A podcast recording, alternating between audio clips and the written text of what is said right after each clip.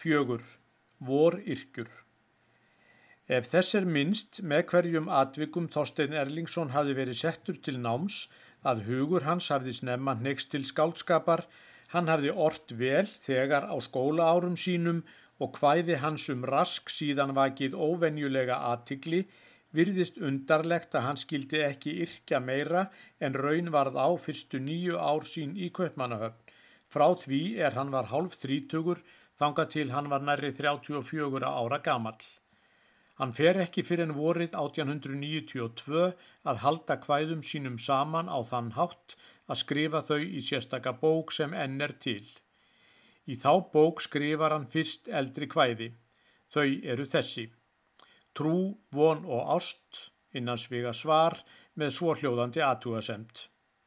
Þessar vísur eru upprunalega ortar í sendi brefi til Ólöðar Sigurdardóttur Skálds á árunum 1884 til 5 en hveðnar upp og bætt inn í miklu af síðasta kaplanum innan svega um vonina í september 1891. Í hlýðarendakoti með aðtúasemt Þessar vísur sendi ég sumarið 1884 í brefi til Guðrúnar Árnadóttur hlýðarendakoti, frændkonu minnar og leiksistur. Það er hér orðrétt eins og þar. Mansöng var 1, ort 1887, orðrétt eins og hér, 2, 1887, mars, 3, yfirlitt, tvær seinustu vísurnar 1885, fyrsta 1892. Þá koma kvæðin frá 1892. Stökur, innan svega nefndar vísur í þyrnum, fyrsti mæ, innan svega orti júni, örlög Guðanna, orti ágúst, Sigurður Vigfússon, september, vetur, oktober, lóur, oktober, hulda, desember. Frá júni 1893 eru þessi kvæði. Bæn Fariseans innan svega 15. til 16. júni, Guðsmyndin júni, Myndin innan svega fyrst kallað Gátan 28. til 29. júni, Lánætti enda 30. júni, Ljóðabref júni-júli. Sýnir þetta hversu ört þorstið gatt ort á þessum árum. Sunnanfari byrjaði að koma út í Kaupmannahöfn 1. júli 1891. Þar tók Þorstein að byrta kvæði sín og fyrst hinn eldri sem hann síðan skrifaði í ljóðabókina. En í öðrum árgangi 1892-93 reka nýju kvæðin hvert annað. Tíu alls að tölunni til rúmur fjórði hluti allra kvæðana í fyrstu útgáfu þyrna. Þar koma fyrst fyrsti mæ í júliblaðinu og örlög Guðana í septemberbladinu. Þorstitt setur þau á prent alveg ný ort heit úr aflinum. Þessi tvö kvæði marka greinileg tímamót í skálskap hans. Þau eru gagn ólík, annað rósir, hitt þyrnar. En nú var Þorstitt fullveðja skáld, ekkert hík á honum framar að yrkja og láta kvæðin þegar fljúa. Dr. Jón Þorkelsson, rítstjóri Sunnanfara, hveðu svo að orði í grein um Þorstein í júniblaðinu 1895. Framan af hafnarárum sínum orti Þorstein töluvert en nær ekki þegar lengra leið þar til útgefendur Sunnanfara fengu hann 1891 til þess að taka aftur upp hveðskap sinn og hófu að flytja hvæði hans í blaðinu. Síðan hefur hveðskap hans borið ört á og hann ort margt ágætlega. Sami maður ítrekkaði þessi ummæli og hvað enn fastara að orði í minningargrein í sunnanfara að þorstein í látnum. Ekki má gera of lítið úr því að það hafi ítt undir þorstein er blað fór að koma út í höfn og rítstjóri þess sóttist eftir hvæðum hans. Honum voru nú hæg heimatökin að byrta þau jafn óðum og með hverju hvæði hlautan að finna betur og betur til máttar síns og þeirrar eftirtektar og aldáunar sem þau vöktu.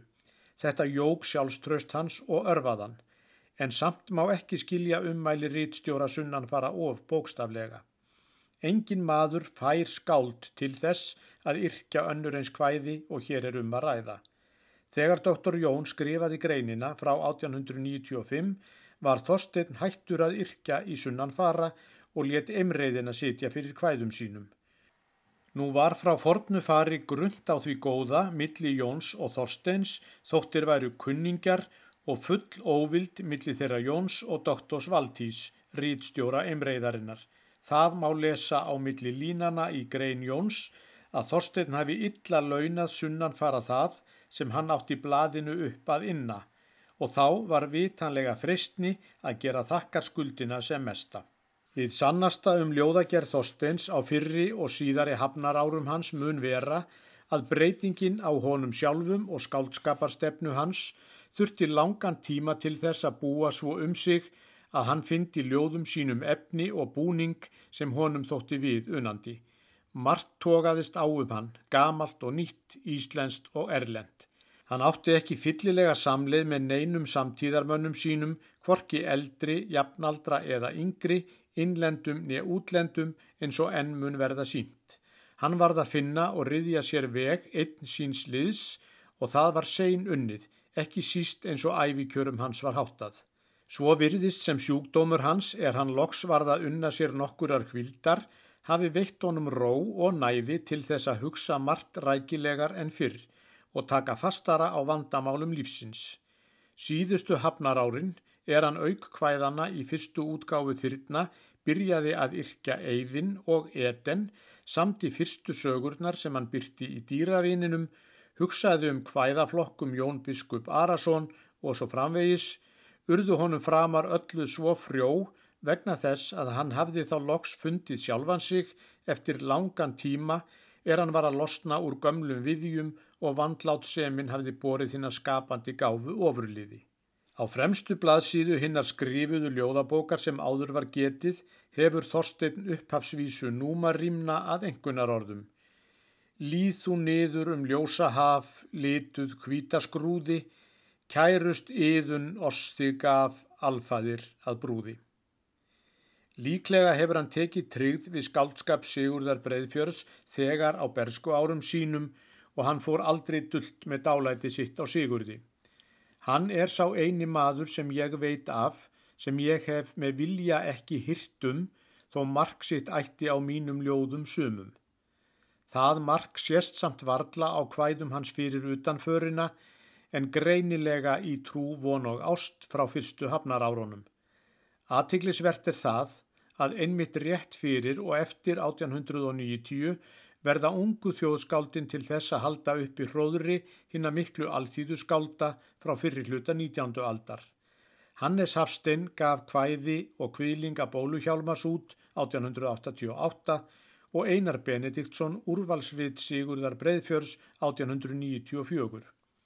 Í þessu kemur fram greinilegur jafnaðarandi vilji til þess að rétta hlut snillinga sem höfðu verið fyrir borðborðnir af uppeldi sínu, ævikjörum og dómum hinn að læriðu manna. En kvorki Hannes nýja einar fundu svo markáttaðan skildleika með alþýðu skáldónum sem þorstinn nýja ávöxtuðu það sem að þeim mátti læra eins í ljóðum sínum. Við annars skáld tók þorstinn líka ástfóstri á hafnarárum sínum svo að skáldskapur hans beð þess greinilega merki. Það var Bæron Lávarður.